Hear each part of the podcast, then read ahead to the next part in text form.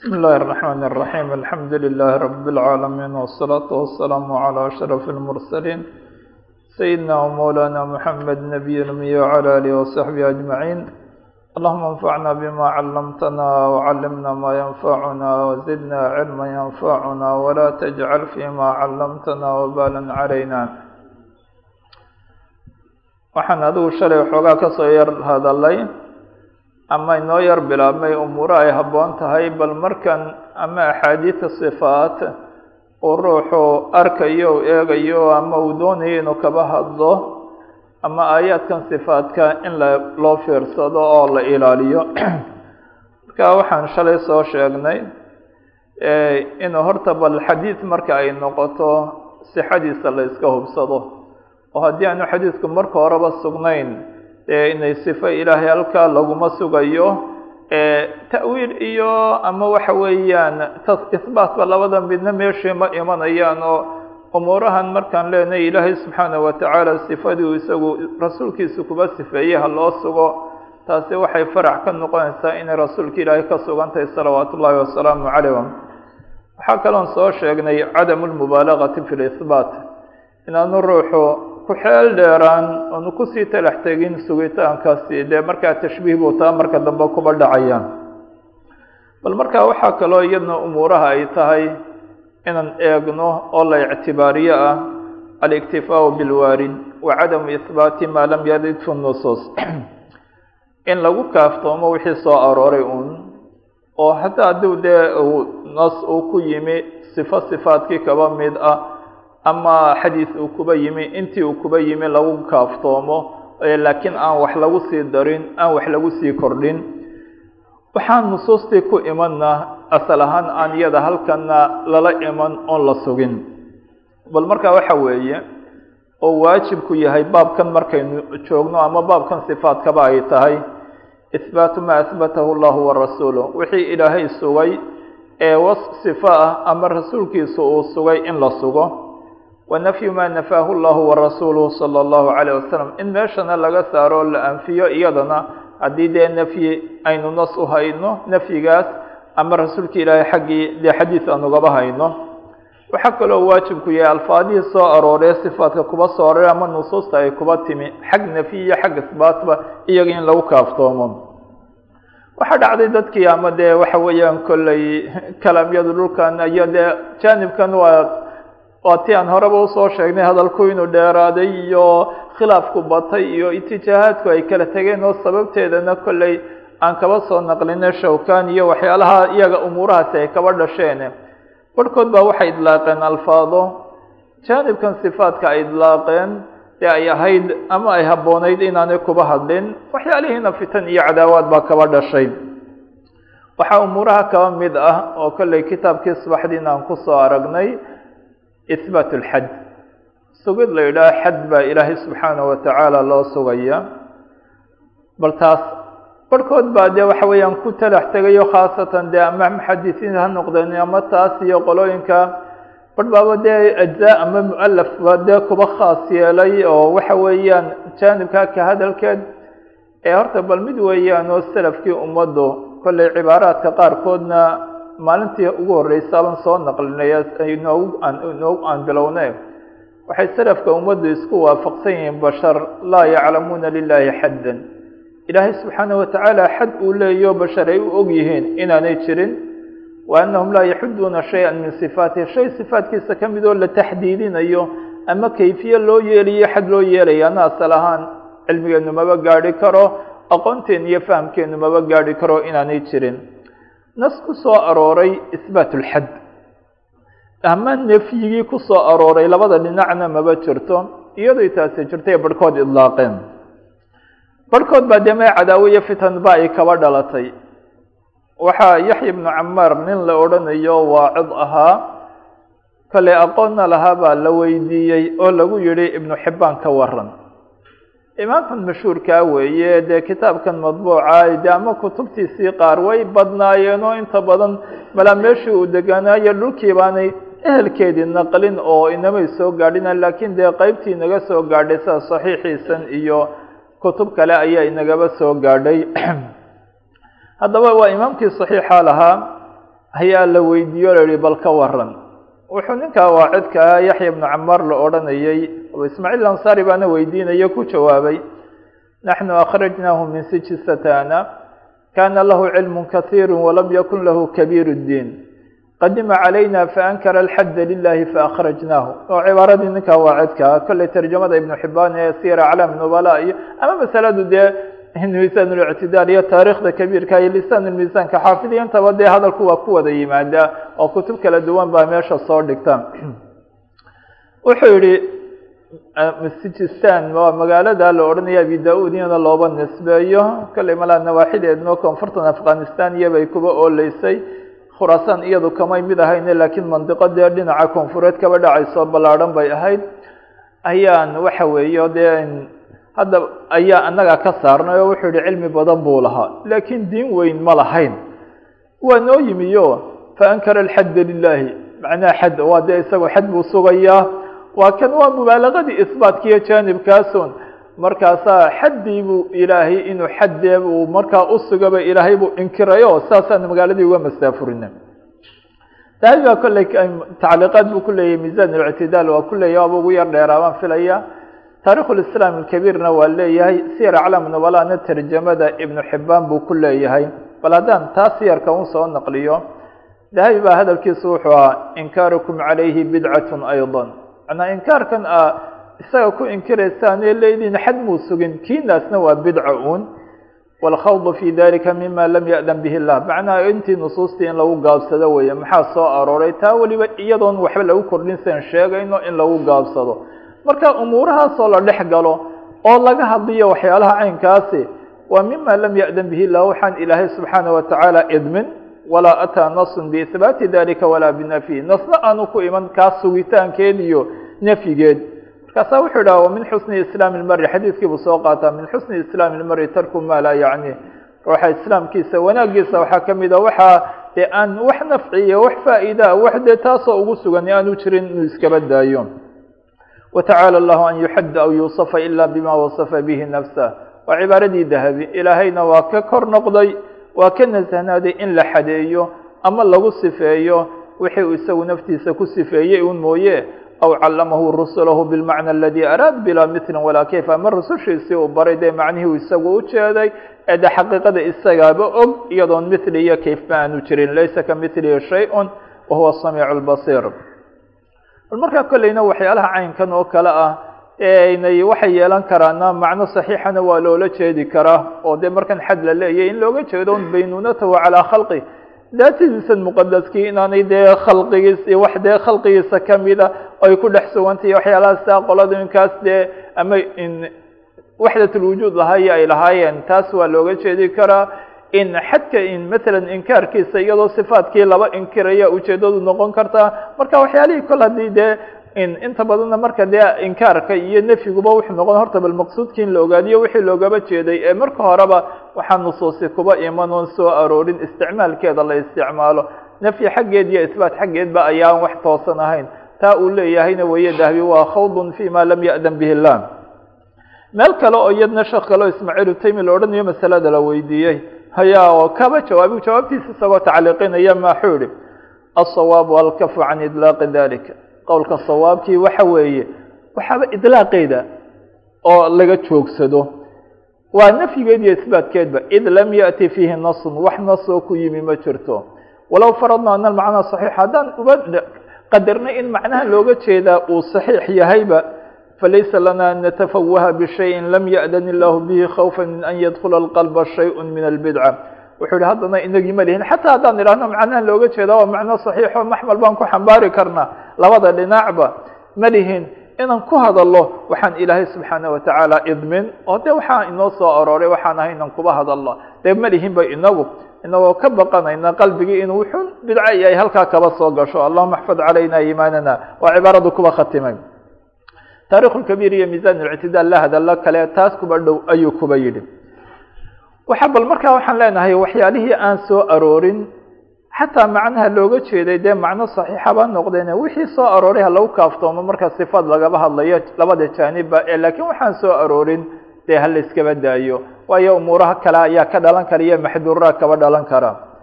Waxaa kaloo iyadna tan baabkeeda annuzuulu bidaat oo dee cibaaro dadka qaar kaba dhacday harag xufaad iyo keyrkoodba macnaa waxa weeye waxaan dee rumaysannahay rasuulki ilaahay xadiidkiisii dee mashhuurka ahaa ee duruqda kala duwan lahaana kuba yimi. Ilaahay subxaanahu watacaala ee aakhira leyl ama habeenka huludkiisa dambe markuu hadho ee anahu yanzil. Cibaarada timina waa yanzil allahu ila asamaai dunya bal taas bay ahayd. Cibaaradii waa cibaarada de aan rumaynayno nuzuulkii kayfiye uma yeelayno ilah baa subxaana watacaala kayfiyada og. Marka wixii intaa ka sii badan ee lawaasimtii nuzuulka oo kale iyo waxyaalo dee markaas waxay noqonaysaa un iyadna tan baabkeed bay noqonaysaa. Waa waxaa nas inooguba iman. Inan intii yanzilu lahu un laguba gaabsado iyadoo dee la rumaynayona xaqiiq ahaan loo rumaynayo. Bal markaa laakiin haddii la yidhaaho yanzilu bidaatihi oo cibaarada lagu daro bidaatihi oo kale cibaaro naski kumuu iman bal kolley ciddii tidhina dee malaa qolooyinkan iyaguba inkirayba ama yidhi yanzilu bicilmihiba weeye yanzilu markaasoo waa cilmigiisa iyo taas ama amarkiisa waa muqaabaladood bay ulaba yimaadeen lakiin maxay noqonaysaa intii waaridka ahayd iyo naska wuxuu kuba yimi oo dee waxa weeyaan rasuulka ilaahay intii waxa weeyaan inooga sugnaatay in wax lagu sii daro iyadna tan baabkeed bay noqonaysaa dahabi ba raximah llahu tacaala kolley siyarkiisa. Oo dee wixii imika ama maanta un mooye laakiin qaybtan ku khatimi doono dee bal matalan waaba kitaabkaas baan in badan ajzaadiisa waxyaalo kala duwan kala soo noqon doonaa qaybta ama ugu dambeyn doonta janibkan qawaadi qaybtii dhexan kuma jirnaa ayaa nin xaafido oo cabduljaliil ibnu moxamed la odhanayo kuutaha ku magac dheera oo kolleyna waa qarnigii lixaad raggiisii taas wey ayaa wuxuu soo naqliyey inuu odhan jiray oo dee isagoo tan ku markaas yanzilu llahu bidaatihi. Taas bay ahaydba.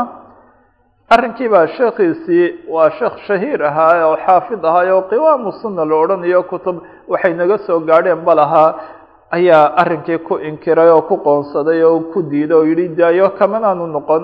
Waxay taasi keentay sheekhiisu inuu ka hijroodo inuu u diido majliskiisa inuu yimaado bal markaa waa dee arrintaas oo kuta dahabiaba markaa markuu tarjamada dee kuta bay ahaydna tu ka hadlayay ayaa markuu halkaa masalada ayaa umuuraha soo qaaday ayaa wuxuu idhaaha wamasalat lculuwi wamasalat nusuuli faaliimaanu bihi waajib. Masalada nuzuul markay noqoto in la rumeeya waayo nas sariixa kuba yimi oo rasuulka ilaahay noogaba sugan ee waxa weeye in la rumeeyaa waa waajib wa tarku lkhawdi fi lawaasimihi awlaa. Wixii dee intaa dhaafsanaya lawaasimta waayo dee taraf baa ugeeyey taas markaa nuzuulkaasi dhaco hal yaklu minhu lcarshu am la iyo waxyaalo barhkood. Dee isa ibnumadahiyo rag ma rag le dee araadood iyo waxyaalaha halkaas iyo in bal matalan bal dee ku-xeel dheeraantooda janibka ay ku-xeel dheeraadeen ama ay waxyaalo hadday doonaan ururiyeen bal la og yahay ayaa in laga tago wixii lawaasimtiisa ahaa in laga hadhadlaba la dhex galaa taasna awlaata mudan weeye wahuwa sabiilu salaf. Intaa in lagu gaabsado yanzilu llahu daas ee aan cibaaradan bidaatihi aan la odhan waxa weeyaan buu leeyahy waa dariiqii salafka.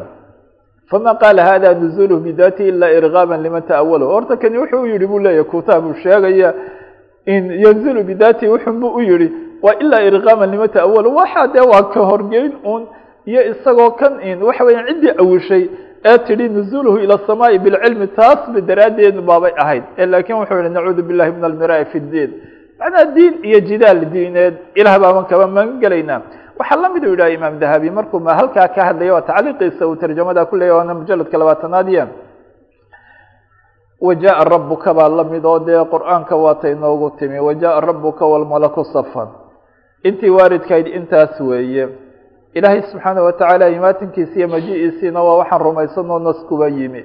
Ma awilayno wax kale oo dee kuma awilayno xaqiiqadii iyo kayfiyadana ilaah baa ogoo taa ilaah baan u bandhigaynaayo. Kayfiyadaas oo ay tahay maji-ani dee horta wixii bashar lagu yaqaaniyo imaatinkood ma aha oo taas rabbi baan kama nasahayna ama ma taxdiidinayno. Laakiin bal wuxuu leeyahy haddii dee taas oo kale waja-a rabbuka halkan bay la mid tahay yanzilullahu ilaa samaaءi dunya inagii kuma sii darayno inaan idhaahno wajaءa rabuka bidaatihi oo kale. Binafsi bicayni umuura caynkaasoo hadda loogama jeedo ciddii kolley cidda dee taa tidhina waxa ku xambaaraya waa la garanaya.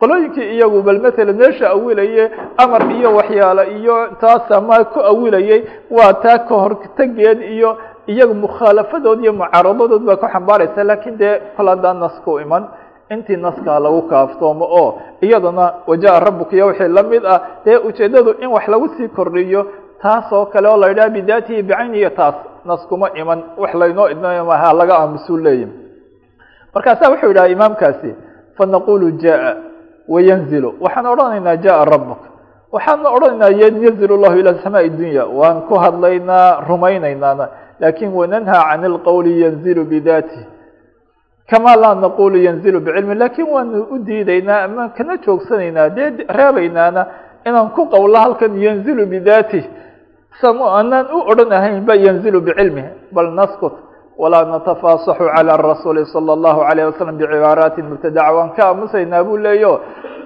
inagu rasuulki ilaahay salawaat ullahi wasalaamu aleyh intii kaba soo noqotay cibaaraadkiisi waxaan ku kordhiyayna inagoo fasaaxadalaba ah. Ama dee kolley sababtuna taas bay su markaa horeba kutaa tarjamadiisa kuba halkaa kuba yidhi.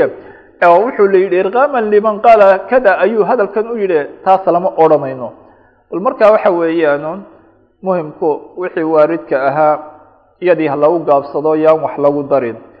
Gees kale waayo arrinkani maha un dee wax ra'yi iyo fikir iyo ijtihaad kuba yimaada gees kalena haddii aanay cibaaradani sooba aroorin nafyi iyo isbaatba idlaaqeeda dee hala iskaba dhowro taas baa ujeedada halkan iyadana daabidka uu yahay ama nuqdadani nuqdada afraad ee doonayna inaan iskuba baraarujino waana nuqdo aada u muhiim ah. Atanabuhu ilى siyaaq wanadaru fi kuli aayati aw xadiiثi bikhusuusihi wa siyaaqi in loo baraarugo siyaaqa wasfigani kuba yimi ama sifadan naskani uu ku yimi xadiidkan ama aayaddu. Aayad kasta gaar ahaanteeda loo eego ama xadiid kasta gaar ahaantiisa iyo siyaaqi uu ku yimi. Oo macnuhu waxa weeye. Mar baa waxaa dhacaysa nasku inuu yimaado isagoo waxan kuba sugani uu sifo yahay. Ilaahay sifadii oo dee taa mowqifkeenii horena ay markaa noqonayso. Kol baa naskii imanaya cibaarada nafteedii ay imanaysa iyadoon sifo tilmaamahayn. On iyada markaa maanta siyaaqan iyo san ay kuba timi aan sifo looga jeedin ama sifo aanay tilmaamayn in badanna waxaa dhacda halkan qalad inuu labada dhinacba kaba yimaado ama kuwa wax suga ha noqoto ama kuwa waxanfiya oo si ugaba imanayaana kii muhbitka ahaa oo sida ibnu taymiya idha marka uu arko lafdigan oo sifo meel meelahan kamida ama nas nusuustii kamida sifo isagoo a yimi mawdic lafdigaasuu kaba dhigayaa meel kastuu ku soo arooraba inuu sifadii keenayo uu sifaba yahay oo daahir uu kuba yahay ka naafigiina hadduu arko meel meelaha kaba mida ama nas nusuustii kaba midoo lafteeni soo arooru macno kala leeya onu sifo k aanu lahayn. Isagiina meelihii xataa la isku haysiya meelihii kaleu kii u gudbinayaayo wuxuu ka dhigayaa wax mudaridoo kol haddaanu halkanba sifo noqon meelihii kalena sifo maha ayuu odhanaya waxaana suuda ibnu taymiya yidhaaho min akbar alkalad taasi waa qaladka waa ama qaladada dhaca waxyaalaha ugu waaweyn. Oo wuxuu yidhaha faina dalaalata fi kuli mawdicin bixasabi siyaaqi dalaaladu meel kastaba ama mawdic kastaba waa kolba siyaaqiisu siduu yahay iyo qaraa-inta ama lafdiga ah ama xaaliga ahee ku xeeran ayaa cibaarada xadidaysa oo ama sifo kaba dhiga ama aan ka dhigahayn amhila ayaan dhowran soo qaadanayna waxaa kaba mida alwaj wejigu dee waa kan oo nusuus sariixa inoogu timi oo qur'aan iyo xadiis bale isagoo ah sifo ilaahay subxaanaه watacaala sifaatkiisa kamida sifatu daatna ay tahay. Dee waxa weeyaan aan rumaynayno. Bal taasi ha dhacdo laakiin meelo ayaa u yimaado oo nusuus buu u yimi isagoon macnaha sifada lahayn. Haddii markaa jaanib la dardiyo oo la yidhaha kol haddii uu yimi isagoo sifo sifanima ay noogu sugantahay meel kasta oo uu ku yimaadoba sifan kaba dhigaynaa kolley qaladkaas baa lagu dhici. Haddii waxa weeyaan isagoon meel sifo keenin la arko oo macno kale leh oo tii la dardiyo laga dhigo wax dee mustamiro oo meel kastoo weji aan kuba aragnona macnaha kaleu leeyahay sifo maahana taasna inkaar sifadii la inkiraa meeshii imanaysa. Bal markaa maxay noqon? In siyaaqa iyo cibaaradan halkay kuba sugantay la eego oo la hubsado. Bayhaqi baa wuxuu yidhaahaa isagoo dee sifa ahaan sugay kitaabkiisa almasma wa sifaat niyam takarara dikru lwajhi fi lqur'aani wasunati صaxiixa wejiga sheegitaankiisu qur'aankana waa ku soo noqnoqday. Sadee kulu shayin haarikun ilaa wajha wayabqa wajhu rabbika duljalaali walikraam sunnihii saxiixa ahaana waa ku soo noqnoqday. Isagoo rasuulka ilaahay salawaat ullahi wasalaamu caleyh ilaahay weydiisanaya aragti wejigiisaasuu tusa waasaluka ladata nadari ilaa wajhika alkariim. Isagoo acuudu binuuri wajhika. Magan gelayaba isagoo dee bal umuuro way soo aroortay sunnihii saxiixa. Lakiin muxuu yidhah wahuwa fii bacdiha sifatu daatin meelaha qaarkood waa sifo sifaadka ilahay ka mid o waliba sifatu daati weeye maha sifo ficiliyo ka qowlihi ilaa ridaau lkibriyaai calaa wajhi. Waa xadiis bukhaariya kuba sugan oo dee dadka iyagu jannada ilaahay geliyey jannata cadnin uu geliyey iyaga iyo rabbi aragtidii wax kaloo u dhexeeya uun ma jiro oo ah aan ahayn ilaa ridaau lkibriyaai calaa wajhi. Dee axaadiis kalena way kuba timi kaasun maahay nusuustu kolle way iskaba badnaanaysaa bal kaasi waa mid wa fii bacdiha min ajri. Laakiin maxaa kaluu u yimaadaa nusuusta isagoo macnaa min ajri leh? Ilahay daraaddi. Ama shayga liajrihi. Maala maxaa kamida ilahay qowlkiisii inamaa nudcimukum liwajhi illaahi maha sifadii sifatu daat ikhlaas bay tilmaamaysaa. Inaanay magac iyo kuwan iyo waxba kaga doonayna ilaahay daraaddii ay taas ba ulaba imanayaan wuxuu u yimaadaa buu yidhah waa hadalkiisii wa fii bacdiha bimacna rida nusuusta qaarkoodna isagoo rida ahaan ama dee macnaheed leh kollay tan ba iskuba dhowaanaya ayuu kuba yimaadaayo. Bal matalan qur'aankaba yuriiduuna wajahu suuratu matalan kafir ilaahay wejigiisa waa kuwa dee ilaahay dee waxa weeyaan caabudaya ee waxa weeyaan subax iyo galaba kuwa macooda sabir oo adka markaa naftaadii halkaa ku xabaasbaaba ilahay lagu beri yuriiduuna wajhu. Ilaahay wejigiisa doonaya. Wejiga halkan ay doonaya macnaa waa ridihiisa ayay doonayaanba. Waxaa lamida suurat waxaan u jeedaa waleyl oo kale. Ila btigaaa wajhi rabbihi laclaa oo macnaa waxan wuxuu bixinayo ee uu la imanayo infaaqan iyo tan ulaba imanaya waa ilaahay ridihiisa dalabkii. Bal markaa macnahan bay kuba fasireen. Bal markaa haddaba dee kolleyba mid kastaba jaarixadii maaha waa sifo bal leeye laakiin maxaan leenahay siyaaqan bal hala hubsado dee kolla macnahan buu yeelan karaa. Halkii markaa marna dee sifo ayaaba markaa macnihiisu yahay. Kolba siyaaqa iyo hadalka siyaaqiisa ayaana taxdiidkii ama tafsiirkii yeelanaya bal kolley umuurahaasi iyadna hubsashay leedahay. Ibnu daqiiq lcid ba isaguna wuxuu idhaahaa isagoo dee jaanibkan kaba hadlayo sifaadka si guud. Wma kana minha macnahu ظaahira mafhuma min takhaadub اlcarab xamalnaahu calayh wixii macnihiisu dee intuu suuro sifo uba yimi. Macnihiisu daahir uu yo carab marka la eego takhaadubkoodii wadahadalkoodii macnihii looga jeeday uu cad yahay. Kii baa laguba xambaarayaayo muxuu soo qaatay misaal ahaan. Ya xasrata calaa ma faradtu fi janb illahi o dee lafdigan janb oo kani ku qoomamoonayo tacadi tafriidkii ugula yimi gabofalkii ula yimi bal jaanibkaas ayaa waxa weeye cibaaradan jambi waa taa naska qur'aanka kuba soo hortay markaasa imaamkaasa muxuu yidhah faina almuraada bihi fi isticmaalihim ashaayici xaq llah waxa cibaaradani markay timaado isticmaalka carbeed ee luqadooda kuba sugnaayay lagu yaqaanay ee shaa'ic ahaa ujeedadu ay tahay waa ilaahay xaqi o waa calaa ma faradtu fi janb illahi fi xaq illahi way. Ilahay xaqi baan ku gabadfalay oo dee taqsiir iyo taas waa ilaahay daacad iyo taan. Marka wuxu lehay noocaas oo kale falaa yutawaqafu fi xamlihi caleyh kol haddii dee takhaadubkii carbeed wixii macnahan loo isticmaalayay uu cad yahay waa lagu xambaaraya taa waxba lagama joogsanayo.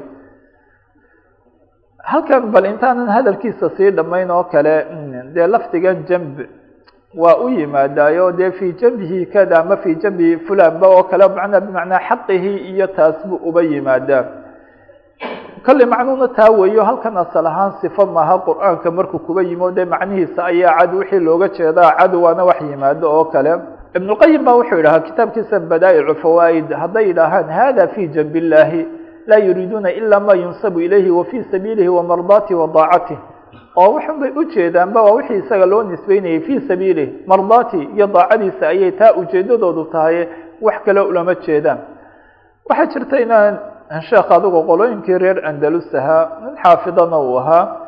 Axmed ibn moxamed ibn cabdillaahi baa la odhanaya abu cumar dalmankiy dalmankiina waa magaalooyinkii de andalusa weliba kii hore gacmaha gaalada u galay. Intii andalusa kaleba la deganaa bay ahaydba.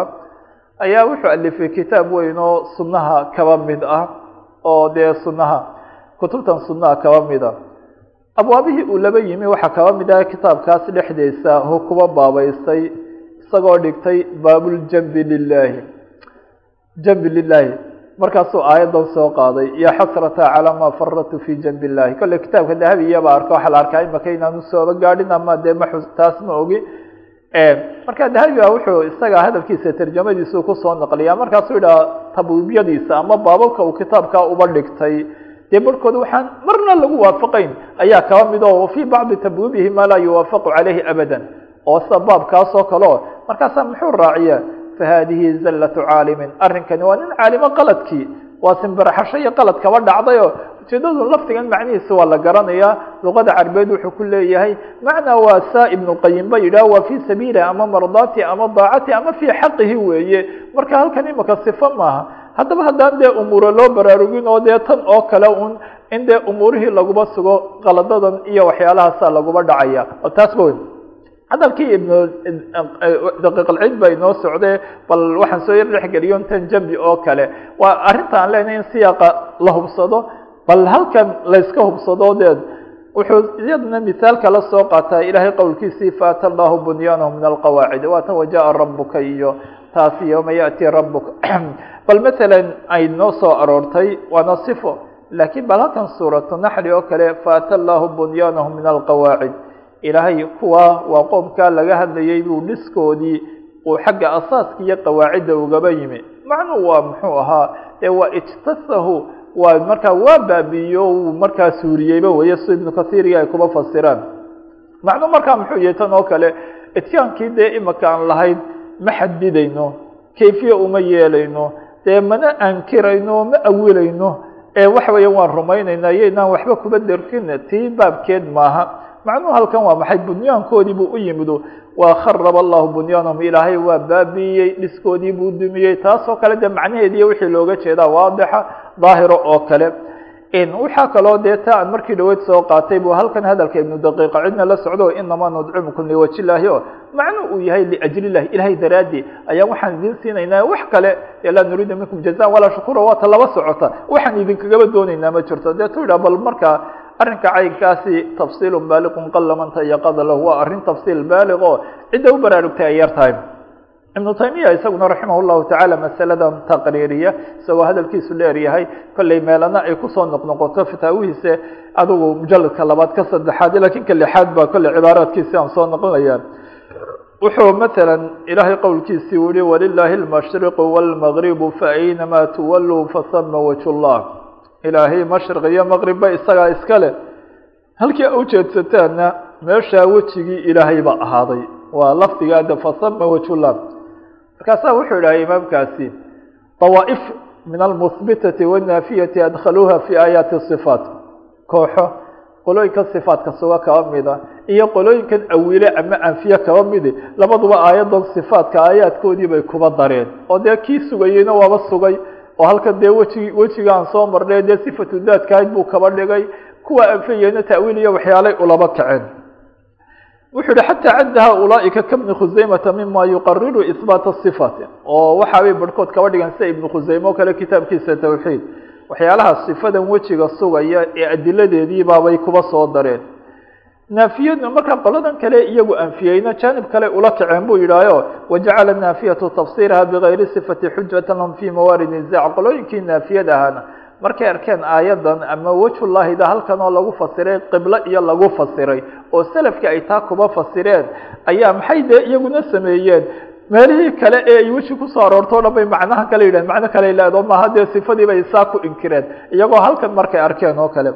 Markaasaa wuxuu yidhahaa sheekhu sheegaa in de ana caddaha min aayaati صifaati qalad halkan oo kale walilahi اlmashriq wاlmaqrib fainama tuwallu fasama wajh llahi in aayaatu صifaat lagu tiriyaa kalad weeye ujeedadu waxa weeye buu idhahaa waa qibl halkaa ujeedsataanba de waa qibladii ilaahay ayaabay tahay sidaasaa mujaahid ku fasiray sidaasaa shaafici kuba fasiray iyagana way noogaba sugan tahay bal meelo kale jumhuur mufas jumhuur self buu u tiriya in macnuu taaye hadalkuu yar waday oo waxyaalo kaluu soo geliyey ugu dambeyn buu deeta markaa wuxuu idhaahaa ina dalaalata dalika fi bacdi اlmawaadici calى daati اllahi aw bacdi صifaatihi laa yuujibu an yakuna dalika huwa madluula lafdi xayثu warad umuuraha caynkaasa dalaaladooda meelaha qaarkood ay tilmaantay ayna tusay ama ilaahay daatadii ama sifaadkiisii wax ka midi ma keenayo ma waajibinayo markastay soo aroorto lafdiga madluulkiisu meel kastuu kusoo aroorba inuu macnaha yeesho taas bal yundaru fi kuli aayatin aw xadiiثin bikhusuusi wa siyaaqi waa la eegayaayo aayad kasta ama xadiid kasta gaar ahaantiisa iyo siyaaqiisa la eegaya wama yubayinu macnahu min alqur'an iyo waxyaalaha kale inoo cadaynaya macnihiisa qur'aanka ah iyo wadalaalaat markaasaa wuxuu idhaha fahada asl cadiim muhiim naafic fi baabi fahmi kitaabi wasuna marka halkan sifaatku kuma koobna bal dee marka kale xataa waxyaalo kale qur'aanki iyo xadiiskii loo dariishanayo waa ruuxii wax loogaba baahan yahay inuu siyaaqi eego wixii kale bal dalaalaad ama qaraa-in macnihiisan xadidaye ama qaraa-in laftiya ha noqoto ama qaraa-in xaaliya umuuraha inuu eego xataa istidlaalka kalena waa wax haddii kale qalada ay imanayaan markaasuu yidhah waa asal weyn oo waxtar leh oo xagga marka la eego kitaabka iyo sunaha fahamkooda iyo daliishahooda si gudmahaba sifaaduna la daliishanayo ayuu taasi muhiim u yahay. Waxaa umuurahan kaba mid ah oo waxyaalaha kaba mida lafdu dat lafdigan dat oo kale. Horta bal markaa lafdigan dat marka la eego laftii dee malaha carabtii alfusxa ama alcarba ay de macnahan marka dambe loo isticmaalay in badan ay ku hadleen ma aha. Asalka hore luqada marka la eego dat waa muanasu du. Du ayuu muanaskeedii dat ay tahay. Duna wuxuu u yimaadaa luqada carbeed iyadoo wax lo had iyo goor uu idaafaysan yahay. Du maalin du cilmin dee du qudratin. Waxyaalaha caynkaasoo wuxuu u yimaadaa isagoo mudaafee marka hore may isticmaalin carabi isagoon mudaaf ahayna may isticmaalin. Iyadoo alla geliyana umay isticmaalin oo addu may odhan. Addaatna waa marka la eego macnaha asalkan sheegaya muanaskii du macnaa saaxib ahaa ee mudaafka had iyo goor ahaan jiray iyo umuurahaas ama waxa inta badan waxyaalo jinsiga loo idaafeynayay ayuu muanaskiisii yahay oo de hadduu marka muanaskiisii yahay macnaa saaxiba ayuu noqonaya oo iyaduna dee waxa weeye oo ay noqoto in iyadoo mudaafa ay noqoto la isticmaalo. Bal markaa taas bay ahayd laakiin maxaa dhacay markii dambe iyadoo de waxa wey mutakalimiintii ama de kolley hadalkuna waa yar horeeyo qarnigii labaad iyo cid kastaba iyo ama la isticmaalo ama asaarta qaarkood iyo bal dee markaa axaadiis iyo waxyaalo isticmaalkeed baan arkaynaa walow markaa isagoo mudaafa ay wada ahaayeen meelahaasi. Laakiin maxaa markii dambe loo isticmaalay oo dee iyaga istilaaxooda noqday mafhuumka looga jeedo noqday? Horta marka la eego intaan taa aan odhan qolooyinkan luqawiyiinta barhkood baaba usuuliyiinta iyo mutakalimiinta iyo isticmaalka dat dat oo isticmaalka san loo isticmaalo ayay kuba inkireen ay leeyihiin luqadii carbeed ma ahaba macnahana ma aha loo isticmaalay. Calaa kuli xaalin ibnu taymiya meelo kaba cabiraba oo lafti muwalada marka la eega isticmaalka dambe ayuu leeyahay.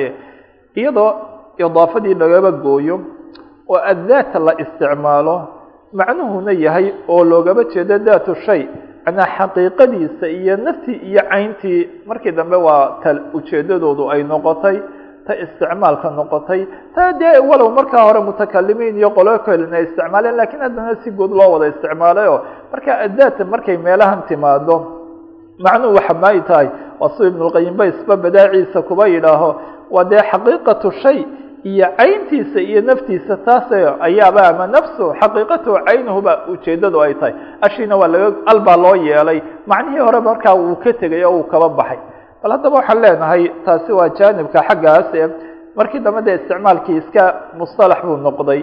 Wax la garanayana waa noqday waxa looga jeedaa bal matalan oo haddii dee ilaahay subxaana watacaala daatadiisa la yidhaahana kolley maqsuudkii waaba bal markaa oo la garanayaayo bal imaka walow ay le marka hore lafdigu saasoo kale wuruudkiisaas macnahana aanu markii hore dee jirin laakiin wax mustalaxay noqoto laba isticmaale.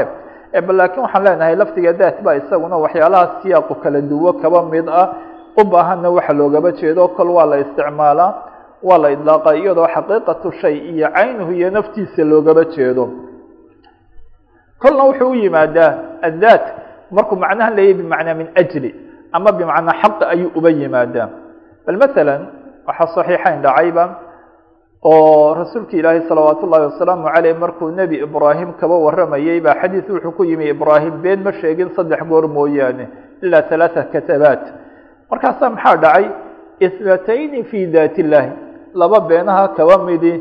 Ilaahay daatadii bay ahayd daatada halkan iminka waa macnaa aq ilaahay xaqii bay ahayd oo dee bal matalan markan uu bal facalahu kabiiruhum lahaa iyo markan uu zawjadiisii oo la qaadan lahaa uu yihi hiyo ukhti oo kaleo dee macna uga jeeday adugu bal waxay ahayd laba ilaahay daraadii ayuu taas ulaba yimi. Marka fi daat illahi baa xadiidka kuba soo aroortay. Waxaa kaloo iyadana saxaabigii khubayb la odhanayey isaga iyo saxaabo kale oo tobaneeyaa rasuulka ilaahay inuu diray inay niman reer bani laxyaan la odhanayey ay hareereeyeen oo bal matalan ugu dambeyn markii dambena dee intoodii badnayd way direen. Saddex bay gacanta kuba dhigeen ninkii waday uu kaba mid yahay khubayb. Adigu mid baa markii dambe arkay habkay haddana ula dhaqmayeen iyo waxay markii hore ku yimaadeen inuu ka duwan yahay ayuu isaguna diiday inuu raaco kiina way direen oo labay maka kaba iibiyeen iyagoo dee markaa war ragga de ay doondoonaya khubayb oo kalena dadkii beder joogay oo waliba cudamadood nin kamida dilay buu ahaa. Laxasil laba reer baa kala qaatay oo dad doonayay inay ugu aaraan. Ugu dambeyn maalintii la dilayay dee waa xadiidkiisii dheeraaye. Bal matalan uu markii dambena xadiidka sida kuba yimi uu ahaa ruux dee dil loo soo xiday oo dil loo dilayo oo bal matala tan laba ragcadood in la tukado ay dee way soo aroorto way dhacdayba marka isagaaba lafdiga kuba yimi. Waa salaadii ruuxu jideeyey oo ruuxaa dee sabran loo dilayo u jideeyey ki isagii ugu horreeyaabuu ahaa. Waa reer makaa dilaya dabadda u soo saareen. Markaasaa waxaa dee ku soo aroortay xadiidkuna waa kan bukhaariyo keyrkiiba inooguma sugan bal dee waa filaya nawowi riyaadka baab karamaat alawliya oo ku soo arooriyaan. Wadalika waxa weeyaan walastu ubali xiina uqtalu muslima waa ti ayaa maxaa ku sugnayd? Wadalika fi dati اlilaahi wain yasha yubaarik calى awsaali shilwin mumazaci macnaa arrinkan dilkaygan lay dilaya waa fi daati illaahi buu ahaaday fi daati lilah buu ahaaday. Bal taasoo kale iyadna maxay tahay? Dee maaha imika sad la isticmaale markaan leenahay dee cibaaraadkeednana ku soo noqnoqdo walow dee aan leenahay madluulkaasi ma rogen laakiin dee istilaax bay noqotay musalax bay noqotay ilaahay daatadiisa oo macnaa dee macnaha kale leh xaqiiqadiisi iyo taa naftiis laftiga nafna way soo aroortayba bal markaa macnihiisu kaa yahay dee meelahan ma laho waa arrinkan lay dilaya ilah daraaddii baa laygu dilaya wey taas ayaa dilkani u dhacayaaba. Ibnu cabaas baa isagana waxaa dee sanadkiisuna aad bu ufiican yahayba waa mawquuf. Tafakaruu fi kuli shayin walaa tafakaruu fi daati illahi ilaahay daatadiisa ha ku fikirena tani macnihii kale yeelanaysa abudarda baa isaguna ahar rijaashiisu ay hiqaatay lakiin sanadku munqadic yahay laa tafqahu kula alfiqhi xataa tamquta annaasa fi daati illah macnaha ruux dee mamala fiqi dhaba yeeshay ma noqonaysid ilaa dee dadkiiba aad waxa weeya nacdo ilahay daatadii ujeedadu waa dadka mukhaalafadii iyo umuurihii markaad aragto si daacadii loogama fog yahay taa ilah daraadii baad unacdiya malaa ujeedadiisu laakiin fi daati ilah ay kuba soo aroortay bal haddaba waxaan leenahay alfaadahan daate imaka umuuraha inoogu soo arooray bacd alculamaa way iswada raaciyaan oo dhammaan waxay ka wada dhigaan inay tahay min ajli ama bixaqi ay tahayba. Lakiin kolley taa ibnu cabaas qowlkiisan ah shay kastaba kuba fikira waa makhluuqaadka ilaahiya taasoo laakiin daatada ilahay ku fikirina. Ee sifaatkiisna waa la mid kolley maaha isaga daraaddii iyo ajrigi iyo xaqii ma aha. Ee waa dee ma gaadhin kartaan xaqiiqadiisa iyo isaga ma ogaan kartaan ee taa ha kuba fikirin oo taasi kolle way ka baxsan tahay walo bacd alculamaa ay tacmiimiyaan ay umuurahan oo dhan min ajri ay kaba dhigaan taas. Bal markaa waxaan leenahay addaat waa soo aroortaa iyadoo kol markaan dee ilaahay daatadiisa leenahay macnahaasna aan uba jeedno in ay tilmaamayso xaqiiqo iyo naf iyo bal matalan cayn iyo ay tilmaamayso shayga xaqiiqadiisi iyo kunhigii kolla way soo arooreysaa iyadoo ama min ajrihi kuba timi ama kuba timi dee bixaqihi iyo taa kuba timi. De markaa waxay noqonaysaa na kolba siyaaqan ay ku timi ayaa macaanidii kala duwaya haddii jaanibun uu ruuxu ka joogsado oo wixii yimiba uu tacmiimiyu sidaa uu markaa halkaa uu kuba arkay kuwii meelihii kalena uu ku tacmiimiyo kaladadan baa kaba iman. Waxa weeyaan qaladkana kaba dhacaya. Bal markaa maxay tahay? Kolbaa markaa imanaysa on arrin aan sifo ahayn ama aan dee macnahan tilmaamayn daatada ilaahay markaan leenahay macnahan looga jeeda aan tilmaamayn in jaanibkaa lagu wada fasiro ama umuur dee jaanibkan kale ahayd in la anfiyo oo wixii kale laguba wada fasiro bal markaa dee siyaaqi in loo baraarugo. Ibnulqayim baa wuxuu yidhaaha kolley dee hadal uu xoogaa lahaa marka hore uu madluulka kelimadan iyo umuurahaasi kaba soo hadlay sida sheekhiisuba uga hadlay rag kalena ay kaba hadlaan waayo fatxu baari meelo way kuba sugantao baabu ma yudkaru fi dat baa tarjamo bukhaari kuba sugnayd iyo dee qolooyinna u taadiib lasma luqaat iyo kolleyna waa hadaladiisii waaxidiya uu kaba soo naqlinayo adigu waa kelimadan maduulkeedii iyo macaanideed iyo wixii loo isticmaalayo dee kutub kala duwan ama way wada dhigaanbay ama in badan iyo. Ayaa wuxuu dhahaa lama stalaxa almutakalimuuna cala idlaaqi dati cala nafsi walxaqiiqa. Markay dadkii nimanka mutakalimiinta ay istilaax kaba dhigteen addaat inay ku idlaaqaan cala nafsi ama alxaqiiqa kuba idlaaqaan ayaa dana man dana ana hada huwa lmuraadu bimili qowlihi halaau kadibaati fi diin illahi wadalika fi daati ilaahi. Markaasaa dee dadka qaar ay u qaateen buu leeyahay oy moodeenba. Markaa xadiidka ibraahim oo kale ee halaau kadibaat lafdigu isnatayn markaa fi daat illaahi buu ahaa baan filaya saddex bal matalan kaas kale ay kuba soo arortay saddexdaas kadibaad fi daat illah ama halkan hadalkan khubeyb oo kale wadalika fi daat illahi ba waxay u qaateenba in wixii looga jeeday tan dee musطalaxa noqotay ee daatada lagu idlaaqayo xaqii alxaqiiqa ama xaqiiqatu shay iyo naftiisa iyo cayntiisa tii bay u qaateen oo markaasay kuba fasireen. Markaasa wuxuu dhah wahada kaladun arrinkaasi qalad weeye. Bal idaatu huna markay noqoto wadalika fi daati lilah hadalkaa khubeyb ay noqoto xadiidkaa dee saxiixa inooguba sugay nebi ibraahim rasuulku uu kaba hadlay waxay la midtu yidhah kaljambi fi qowlihi tacaala ya xasrata calى ma faradtu fi jambi illahi taasun bay laba mid tahay. Markaasaa muxuu yidhahaa alaa tara anahu laa yaxsunu an yuqaalu faradtu fi nafs faradtu fi nafsi illahi waxaqiiqati miyaadad arkahaynba inaanay dee habboonayn in la yidhaaho oo aan la odhanahayn faradtu fi nafsi illah lama odhanayo waayo macnuu dee macno kaley lahayd lakiin maxaa meesha imanaysa faradtu fi daati illahi kama yuqaalu qutila fi daati illahi wasabra fi daati illahi ilahay daatadii baa loo dilay macnaa ilahay daraaddii baa loo dilay ilahay daraaddii bu adkaysto uba sabray bal markaa waxa ay tahay waa dee xataa maha sifaadka une nusuusta kale iyo marka la daliishanaye aayad ama xadiis macno in dee dalaalaadkiisa si dalaaladii dhabta ahayd loo helo siyaaqan iyo qaraa-inta uu leeyahay lafdi iyo dee xaalibale iyo umuuraha in la hubsado weeyo. Dee luqada carabeed bay taas tahay xataa cibaaraadkeeda kelima intaasoo macno yeelata. Dee macnihii had iyo goorna waa qaladada xataa dee macalimiinta oo kale iyo kaba dhacdo kelimada iyadoo dee siyaaqan iyo jumladan ay ku jirtay macnahan ku leeday. Lakiin marka waxa weya marka la fasirayo ama ardayba loo sharxayo in dee siyaaqii lala qaado weyo jumladii lagu fasiro. Siyaaqii lala qaado jumladii lagu fasiro. Sharaxna ta ugu roonba halkii dee kelime muraadifkeeda lagu fasiri laha in kelimada la geliyo jumlo siyaaqeed lakiin haddii kelimadii jumladii laga goosto kelimadii un muraadif loo yeelo kelimadana dhowr macno ay leedahay dee waxaa dhici karta ruuxi waa ku qaldamaya halkan macnahaas ay kuba timi ayuu meel kasta ay kuba timaada macni uqaadanaya markaa shay kastaba dee in sharaxu inuu noqdo siyaaqiisi iyo jumladii markay dee jumla kelimadani macaani kala duwan ay yeelato kale oo bal matalan lala qaato bal matalan rakiiba haddaan keligeed qaato oonan siyaaqii la qaadan dee nacayb bay noqotaa jacayl bay noqotaa iyo waxyaalo. Markaa keligeed teebaan kuma fasiraya waa in siyaaqeedii laguma fasiro. Marka waxaan leenahay iyadoon sifaat baabkeedba ahayn marka dalaalaadka la eegayo xataa cibaaraadka iyo alfaada dee luqadii baaba saas oo macaaniya kala duwan leh. Nusuusna waa taas oo kale si dee aan qalad uba dhicin waa dee siyaaqii iyo dee ti iyo dalaalaadkii kale ama adilo kale aan kaba helaynay in laguma fasiro. Taas bay arinku uu noqonaya oo kale.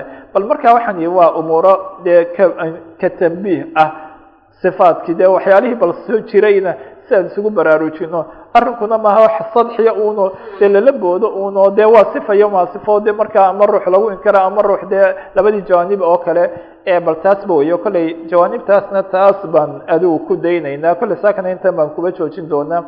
Waxaa inoo horreeya kolley qeybtii saddexaad iyadoo dee waxoogaa yaroo hordhac ka yar horeyn doona ay leedaho kolleyna markaa berri bal dee ina ugu ahamsanayd oo qeyb saddexaad oo iyadna aada u muhiim ah ayaa inoo dambeyso kolley insha allahu tacaala bal haddii aan ka gaadhsiin karo berri kolley waxaan laga yaha sadamiyana mashquul ayaa waxaan isku dayi doonaa biidn illahi tacala haddaan diin sii sheegay inaan kaba hadlo. Mid weeyaane bal ta'wiilkii waa taas. Taawiil waxba macnihiisa iyo muxuu yii dee marka la eego macaani qur'aanka sibuu u yimaadaa in usuliyiinta iyo adigu dee macnaha loo jeeda halkana de kolley macno ayaa ujeedadiisu ay tahay laga yaabaa inaan dee hordhacboo samayne bal ma hayna cid salafkii kaba mida oon taaban karno oo iyaga dee itijaahii guud waa kaas. Madhabkii salaf waa kaa aynu soo maray laakiin bal cid wax dee in markaa la odhan karo waa wax ta'wiil oo lagu xambaari karaa taasi ma jiraan bal waa umuurtaas waxaa kaloon yar eegi doonaa dee shalaytaan taasii sheegay. Cibaaradan dee waxa weeyaan soo noqnoqotee la maqle ah. Madhab salafi aslam wa madhab lcalam de khalafi aclam ama axkam oo kale maxaa ma miyo hagaagsantahay say tahay oo kale taasna waan eegi doonaa.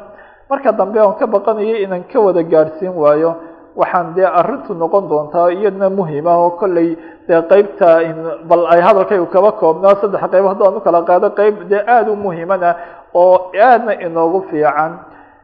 Culimo kala duwan uma jeedno kuwii iyagu usuul lahaa ay dee umuuro la odhan kara dee naskii jiray iyo adiladii jirtayba ay ku khilaafayaan. Waa dadkii diinta maqaam weyn ku lahaa manzilo weyn ku lahaa bal juhdi weyn faafinteeda iyo nashrinteeda iyo taas kuba lahaa iimaankooda iyo ikhlaaskooda iyo taa ina shaki aanu kaba jirin. Bal masalan in rasuulki ilaahay salawaat ullaahi wasalaamu calayna wixii kaba sugnaaday si guud uba rumaysnaa ayaa haddana dee rag dad kala duwan ta'wiil kaba dhacay oo kale mowqifkaasi muxuu yahay. Iyaga markaa laba jaanib buu noqon doonaa mid waxa weeye waa ta'wiilka naftiisa iyo xagga raacid iyo raacid la'aan. Arrinka labaadna waa shaksiga sidaasa. Waa isagu kolley tansiib bay ugaba joodeen. Ee arrinkiisu ah xaqdoon ijtihaadku laba yimi taas oo kale maxaa isaga ruuxaan waa tacaamulkooda meeshan tabdiic ma ka imanaya tafsiq ma ka imanaya waxyaalaha caynkaasa mise maaha oo dee nuquul kala duwan khaasatan kolleyna waa mid juhdi wadan. Dee adigu laakin waa siaan sheegaya saddex iyo toban sano hortood bay ahayd aan dib u qoro waxyaala aan kuma kordhiya laakiin qaaliban ana waxaan mar qoro ma tuure ee waan haystaa un oo kolley dee waxyaalaha iba anfacay waa wixii berigaas aan diyaariya laakiin dee ziyaadaad badan iyo waxyaalo ayaa iisoo kordhay wixii dib aan isu arkay bal markaa kolley taas ictimaadkayga weyn wuxuu noqon doonaa siyar calami nobala ajzaadiisa ilaa ka ugu dambeeya. Dee bal waxyaalihii soo arooray umuure ee taa kuba tacalluqsanaa ayaan dib u soo dee yar markaa talkhiisin doonaa. Walow inta badan janibkaasi kolley waxaa la arkaa wax weyn oo aan ku kordhiya anay jirin waxay diyaarsan ay tahay. Bal markaa taasay arrintu noqon doontaa. Waxaan ka baqanayaana inuu dee hadalku uu ay wax ka hadhaan bal horta insha allahu tacaala berrina waan susoo noqon doonaa. Dee qeyb aada u muhimina way noo dambaysaaba aada u ahamo oo ruuxu bal inaan ogaano oo had iyo goor qalado badan baa dhaca. Tacaamulkii culimadaas baa dee waxa weeyaan umuura ay dhacaan oo kale in waxyaalo dee aan aada u dee qaldan oo aada u fog bal taas baa deeta insha allahu tacaala ay noo noqon doontaa. Taas baanan ku khatimi doonaa. Haddii ay suurto gasho ina berri dhamayn karno de hadday wax ka hadhaan waan eegi doona allah subxana wa tacaala